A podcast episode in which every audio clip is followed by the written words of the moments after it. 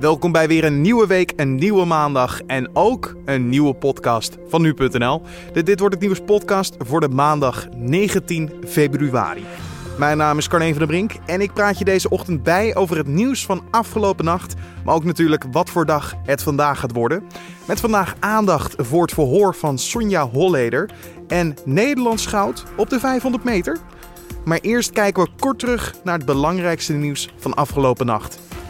De roep van Amerikaanse scholieren om strengere wapenwetten in de Verenigde Staten worden steeds luider. De overlevenden van de schietpartij in Parkland, de dodelijkste schoolshooting in de Amerikaanse geschiedenis, roepen op tot een mars voor ons leven in Washington op 24 maart. Al diverse andere groepen en bekende sterren hebben zich bij dit initiatief aangesloten. De nieuwe Marvel-film Black Panther doet het enorm goed in de Amerikaanse bioscopen. Het epos over King T'Challa van Wakanda ging vrijdag in première en had zondagavond al 192 miljoen dollar, dat is 155 miljoen euro, opgeleverd. Dat is de vier na hoogste opbrengst uit een openingsweekend ooit.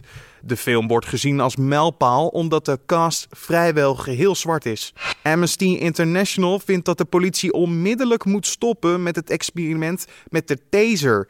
De manier waarop de politie het wapen gebruikt brengt onaanvaardbare gezondheidsrisico met zich mee, schrijft de mensenrechtenorganisatie in een rapport.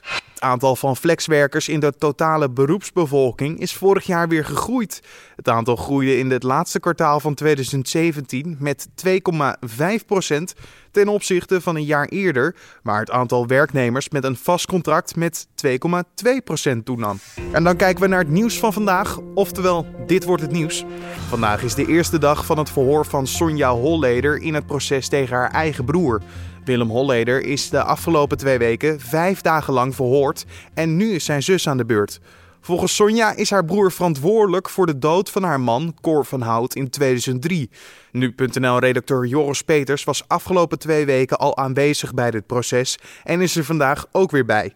Wij vroegen wat volgens hem de belangrijke punten van de afgelopen twee weken waren. Ja, er zijn, er zijn een hoop dingen besproken, maar ik denk dat je toch wel kan, uh, kan destilleren. Wat het belangrijkste is dat één, Holleder sowieso zegt dat hij het allemaal niet heeft gedaan. En, uh, dat hij er niet voor verantwoordelijk is. Maar wat ook wel belangrijk is, is dat hij eigenlijk twee mensen heeft aangewezen die uh, in zijn ogen de kwade geniussen zijn. Dat is één John Mierenmet, die zelf geliquideerd in november 2005. Holleder wordt daar ook van verdacht dat hij daarachter zit. En de tweede, tweede kwade genius, dat is eigenlijk zijn zus Astrid. En zijn zus Astrid Holleder, die zou uh, zijn andere zus Sonja en, uh, en zijn ex-vriendin uh, Sandra den Hartog opgezet hebben tot het afleggen van de verklaringen die ze hebben gedaan. En dat zijn de verklaringen dat Holleder verantwoordelijk is voor een aantal liquidaties. Dus die twee wijst hij eigenlijk aan van die hebben mij zwart gemaakt. Dat is de reden waarom ik hier zit. Hoe, hoe kwam hij op jou over? Was hij relaxed? Uh, hij af en toe moeilijk? Hoe kwam hij op je over? Ja, ja Holleder die, die kan goed praten en dat, dat hebben we gezien. En hij heeft uh, zeer, zeer open verteld. Uh, hij heeft een paar ontboezemingen gedaan die hij uh, hiervoor nog niet heeft gedaan. Zoals het Heineken geld, dat bleek niet verbrand. Maar dat is toch echt geïnvesteerd in panden in, uh, in Alkmaar in Amsterdam. Uh, hij gaf ook nog even uh, tussen neus en lippen door toe dat hij inderdaad nog een paar overvallen had gepleegd. Met een andere crimineel, Cor van Hout, waar hij uh, ook van wordt verdacht die te hebben gedood. Maar goed, ja, hij zat dus op de praatstoel. Um, alleen op de laatste dag, toen had hij het even moeilijk. Toen werd hij geconfronteerd met de uitspraken die hij heeft gedaan. En die heimelijk zijn opgenomen door zijn twee zussen. Ja ja, dan, dan wordt hij geconfronteerd met zijn eigen doodsbedreigingen die hij heeft geuit. En daar, daar kon hij geen ander antwoord op geven van ja, ik, ik, ik zei maar wat. En op deze dag staat dus op de planning Sonja, de andere zus. Ja. Um, die zal gehoord worden. Um, hoe zal die dag verlopen, denk je? Ja, dat wordt natuurlijk heel spannend voor, voor Sonja Holleder zelf. Um, de planning was eerst om half twee te starten. Dat is nu elf uur. En ik denk dat de reden is omdat uh, vooral de verdediging toch wel veel vragen voor haar zal hebben. Maar dit zal, dit zal denk ik uh, heel emotioneel worden. Ik bedoel, ik weet niet hoe lang die twee elkaar niet hebben gezien. Maar dat wordt nu een, een directe confrontatie in de rechtszaal. Um, als je kijkt ook naar de rechtszaak van dit moment. Mm opvallend is dat de rechtbankvoorzitter van deze zaak, de heer Wieland, een opvallende houding innam. Dat, dat zeg ik goed. Ja. Uh, een beetje komisch en soms ook een persoonlijke mening niet schuwen. Nou ja, ik denk dat het heel belangrijk is om, om, om Holleden op zijn gemak te stellen. En op die manier gaat hij namelijk veel praten. Uh, en dat die, Wieland heeft een bepaalde toon gevonden. Waar in ieder geval uh, Willem Holle zich er erg prettig bij voelt. Um, en om te vergelijken, zodra het Openbaar Ministerie hem vragen gaat stellen, dan merk je hoe vinnig hij wordt en hoe, nou ja, ik kan toch wel zeggen dat hij een hekel heeft aan die twee. Maar met de voorzitter van de rechtbank is dat, is dat heel anders. En dat, ja, je, je wil natuurlijk van alles wat weten. Het is een grote rechtszaak. En dan kun je Willem Holle maar beter laten praten. En dat, daar heeft Wieland een, een goede manier voor gevonden. Ja, maar denk je dat Wieland dan diezelfde tactiek, of dezelfde manier van spreken, ook op Sonja zal uh, uiten? Of ja, is ik dat denk dat het, dat het allerbelangrijkste is om Sonja Holleden ook op haar gemak te stellen. Dus dat zal, die zal zeker zeer, zeer vriendelijk zijn. En dan, dan, dan, dan gaan we het horen wat ze, wat ze te melden heeft. Waar denk je dat dan de verdediging eh, zich zal op focussen met Sonja? Nou, de verdediging heeft eigenlijk al aangegeven dat zij, dat zij zullen aantonen dat, dat de zussen uh, en ook Den Hartog uh, onbetrouwbaar zijn. Nou, dat, dat zullen zij. Maandag hebben zij natuurlijk de, de eerste, of vandaag hebben zij de eerste kans uh, om Sonja direct te bevragen. Hè. Ze hebben natuurlijk al verhoren gedaan in, in aanloop naar deze rechtszaak. Maar ze staat nu uh, onder Ede, dus ze mag niet liegen. Dus ze zullen uh, proberen haar onbetrouwbaarheid aan te tonen. Jorde Joris Peters. En zodra het proces van start gaat, zal op nu.nl een live blog te vinden zijn. Waar je het hele proces kan volgen vandaag. Na twee medailleloze dagen op de Olympische Spelen in Pyeongchang is de kans groot dat de Nederlandse schaatsers vandaag weer één of meerdere plakken behalen. Want vandaag staat namelijk de 500 meter voor mannen op de agenda. De sporters die voor Nederland uitkomen zijn niet de minste. Ik noem bijvoorbeeld Kai Verbij, Jan Smekens en Ronald Mulder. Met deze mannen hebben wij toch wel drie kandidaten voor het goud. Wij vroegen aan onze man in Zuid-Korea en collega van Nu Sport, Daan de Ridder, wat hij verwacht van vandaag. Uh, nou ja, vandaag wordt uh, onvoorspelbaar. Uh, er, is kans dat er drie Nederlanders op het podium komen. Er is kans dat er drie Nederlanders niet op het podium komen. Zo, zo spannend is de 500 meter voor mannen. er, zijn, zijn misschien wel 10, misschien wel 15 mannen die die op het podium kunnen staan.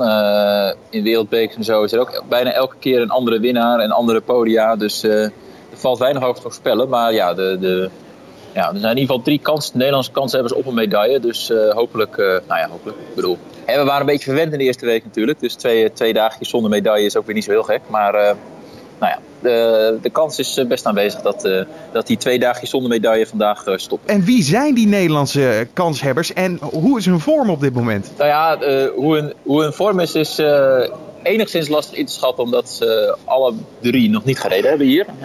ze zijn alle drie ook iets later gekomen omdat ze zo laat moeten. Maar ze zeggen allemaal natuurlijk dat, hun, dat ze in topvorm zijn. Nou is dat bij Kai bij het grootste vraagteken. De wereldkampioen sprint die raakte eind december geblesseerd bij het Olympisch kwalificatietoernooi. Heeft sindsdien heel veel getraind, maar geen enkele wedstrijd gereden. Dus hij heeft zelfs geen flauw idee hoe hij ervoor staat. Maar hij begon de afgelopen dagen, weken, ging zijn herstel van die blessure zo goed dat hij weer langzaam durfde te geloven dat hij een medaille kon winnen. En uh, nou ja, ja, Ronald Mulder die is eigenlijk de meest constante 500 meter uh, rijder van dit seizoen. En uh, toen wij hem gisteren spraken na de training, toen ja, zei natuurlijk voor de grap, topvorm, alles gaat goed, helemaal niks aan de hand en zo. Maar ja, dat, was, dat is ongetwijfeld waar. Maar aan de andere kant zit hij natuurlijk vol spanning voor deze wedstrijd. En is het voor hem natuurlijk, ja, de 500 meter, hè, je moet, als je één heel klein foutje maakt, dan kun je het alweer vergeten. Want het is na één race, het is 500 meter. Zodra je ergens wegglijdt, misslagje maakt en zo, dan, dan is het al bijna klaar. Dus uh, dat is het lastige. Ja, en Jan Smekers, die, die is ook prima in vorm. Alleen die ging gisteren op de training even vrij hard onderuit. Oh. Raakte met zijn schoen het ijs, uh, disbalans. En kwam redelijk hard in de, ja, dat was in de, in, de, in de bocht was dat, kwam weer redelijk hard de kussens in. Hij bleef even zitten, maar daarna stond hij veel weer vrij snel op. En hij hield er uiteindelijk op het oog en wat hij ook zei, niks aan over. Dus nou ja, zijn coach Jacques Ori zei, ja, je hebt het natuurlijk liever niet, maar het hoeft verder niet zoveel uit te maken. Dus nou ja, het is even afwachten. Maar waarschijnlijk maakt het niet zoveel uit dat die geval is. Ja, nee, ik hoor al eigenlijk aan jou dat het al uh, gewoon eigenlijk een hele lastige klus is voor Nederland om toch nog die, die medailles te krijgen. Maar dat er zeker een kans is, als ik het zo mag vertalen, inderdaad. Zeker, ze hebben allemaal een kans. Uh, alleen, uh, ja, het zou, heel, het, het, zou echt helemaal niet gek zijn als de eerste tien binnen twee tienden van elkaar zijn of zoiets. Dat Ja. is allemaal, het is, zit allemaal zo dicht bij elkaar. Precies. Hey, wat staat er verder nog eh, vandaag op jouw planning? Nog, ga je nog naar de vrouwen eh, toe om te kijken hoe zij het vandaag gaan doen? Zeker, dat zit er vlak voor. Dus dat is, eh, dat is prima te doen. Kwartfinale ploegachtervolging. Eh, net als gisteren bij de mannen gaat het dus nog niet om de, om de medailles. Nederland moet bij de eerste vier komen van de acht eh, qua tijd. En dan zijn ze door naar de halve finales van, van woensdag. Wanneer ook de finales op het programma staan. Dus dan gaat het echt om medailles. Maar wat vandaag wel interessant is, om te kijken of, hoe sterk Nederland is ten opzichte van Japan. Want de Japanse vrouwen zijn dit hele seizoen al ja, redelijk met afstand de beste op de ploegachtervolging. Dus eh, nou ja, hoewel het dus nog niet om de medailles gaat, eh, zou het misschien wel een eerste indicatie kunnen zijn of Nederland nu met deze Olympische vorm en deze ploeg, eh, Leenstra, Bust, Antoinette de Jong, of ze daarmee eh, wat dichter in de buurt van Japan zitten dan dit seizoen meestal het geval was. Je hoorde nu sportredacteur Daan de Ridder. En dit gebeurt er verder vandaag nog. Vandaag doet de rechtbank in Den Bosch uitspraak in de zaak tegen de vermeende politiemol Mark M. Mark M. zou tegen betaling vertrouwelijke politieinformatie hebben verkocht aan criminelen. Het Openbaar Ministerie heeft erom vijf jaar cel geëist voor corruptie en witwassen. En dan kijken we waar onze collega's vandaag over schrijven. Staatssecretaris Menno Snel van Financiën gaat een deel van de afspraken die de Belastingdienst heeft gemaakt met verschillende grote bedrijven opnieuw beoordelen. Volgens Snel zijn in zeker 78 gevallen fouten gemaakt en zullen sommige afspraken wellicht worden herzien. Volgens Trouw stuurt hij vandaag hierover een brief naar de Tweede Kamer. 30 asielzoekers kwamen in 2015 en 2016 Nederland binnen met een verkeerd paspoort dat zij via Islamitische Staat hadden gekregen. Blanco paspoorten worden op grote schaal buitgemaakt bij de verovering van steden, waarna IS ze gebruikt om Syriërs naar Europa te laten reizen. Het is overigens niet zeker of de asielzoekers een bedreiging vormen. Dit meldt NRC vandaag. De griepgolf kost Bedrijven ieder jaar gemiddeld 1,3 miljard euro. Dit heeft de Volkskrant vandaag berekend. Zieke werknemers blijven gemiddeld vijf dagen thuis, maar dit is beter dan ziek weer aan het werk gaan. Want dan besmet je snel andere collega's en is de werkgever nog verder van huis. En dan nog even het weer. Vandaag is het meestal bewolkt met eerst in het noorden lichte regen of motregen. Later ook in het zuiden en het westen van het land. Het wordt vandaag nou, rond de 5 tot 7 graden. En de zuidenwind is zwak tot matig. En dan nog dit. De VVD heeft in 2017 met 11 politici opnieuw de meeste affaires achter haar naam. Dat blijkt uit de jaarlijkse politieke integriteitsindex van Vrij Nederland. Het is het zesde jaar op rij dat de liberalen de lijst van het maandblad aanvoeren. De uitslag werd zondagavond bekendgemaakt in het programma College Tour, waar lijsttrekker Klaas Dijkhoff de gast was. De VVD-corrivé stelde in een reactie dat hij geen patroon ziet om te zeggen dat het door de partij komt.